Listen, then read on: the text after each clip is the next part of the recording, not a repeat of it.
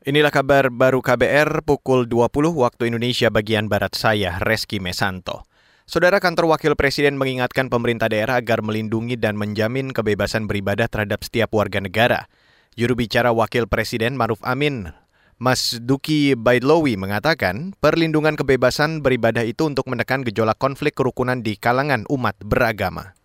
Aturannya seperti apa, itulah yang harus diatur sedemikian rupa agar tidak menimbulkan gejolak dan konflik. Itu himbauan Pak Pres. Yang kedua, kalau misalnya secara aturan uh, dan kesepakatan misalnya di situ tidak tercapai, tidak tercapai misalnya kesepakatan, maka kepala daerah di tempat itu harus memberikan perlindungan kepada warga yang beragama ya harus harus diberikan hak-haknya supaya dia tetap bisa melaksanakan peribadatan. Juru bicara Wakil Presiden Mas Duki Baitlowi juga meminta agar keberagaman di tanah air terus dipupuk dan dipelihara. Kantor Wakil Presiden juga menghimbau masyarakat menghargai setiap perbedaan di kalangan umat beragama. Beralih ke berita selanjutnya, Saudara. Kementerian Perhubungan meminta PT Angkasa Pura menambah jam operasional pesawat saat libur Natal dan Tahun Baru. Menteri Perhubungan Budi Karya Sumadi mengatakan penambahan jam operasional pesawat itu untuk mengantisipasi penumpukan dan keterlambatan pesawat.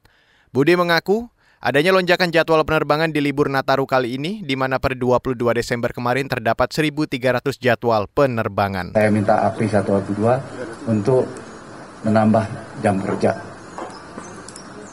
Juga bandara-bandara yang di bawah Bu Dirjen nambah jam kerja. Sehingga mereka bisa take off landing malam, ya sehingga eh, tadinya 12 jam bisa 15 jam bahkan 18 jam maksimalkan eh, bandara maksimal mungkin dan tolong dikontrol.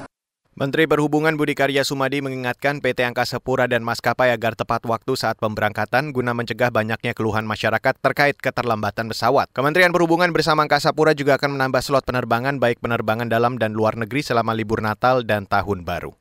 Saudara Komisi Pemberantasan Korupsi KPK menyita uang ratusan juta rupiah dalam kasus dugaan suap dan gratifikasi proyek infrastruktur yang menjerat Gubernur Papua Lukas NMB. Juru bicara KPK Ali Fikri dalam keterangan tertulisnya mengatakan uang itu sita dari penggeledahan salah satu rumah di Batam yang juga terkait dengan kasus suap NMB. Sebelumnya KPK telah menyita sejumlah uang tunai, emas batangan, catatan keuangan, dan bukti elektronik dari rumah Lukas NMB di Jakarta. Bahkan Pusat Pelaporan dan Analisis Transaksi Keuangan atau PPATK menduga ada aliran uang Lukas NMB ke rumah judi kasino di Singapura dengan nilai sekitar setengah triliun rupiah dari rekening Lukas NMB. Dan saudara, demikian kabar baru saya Reski Mesanto.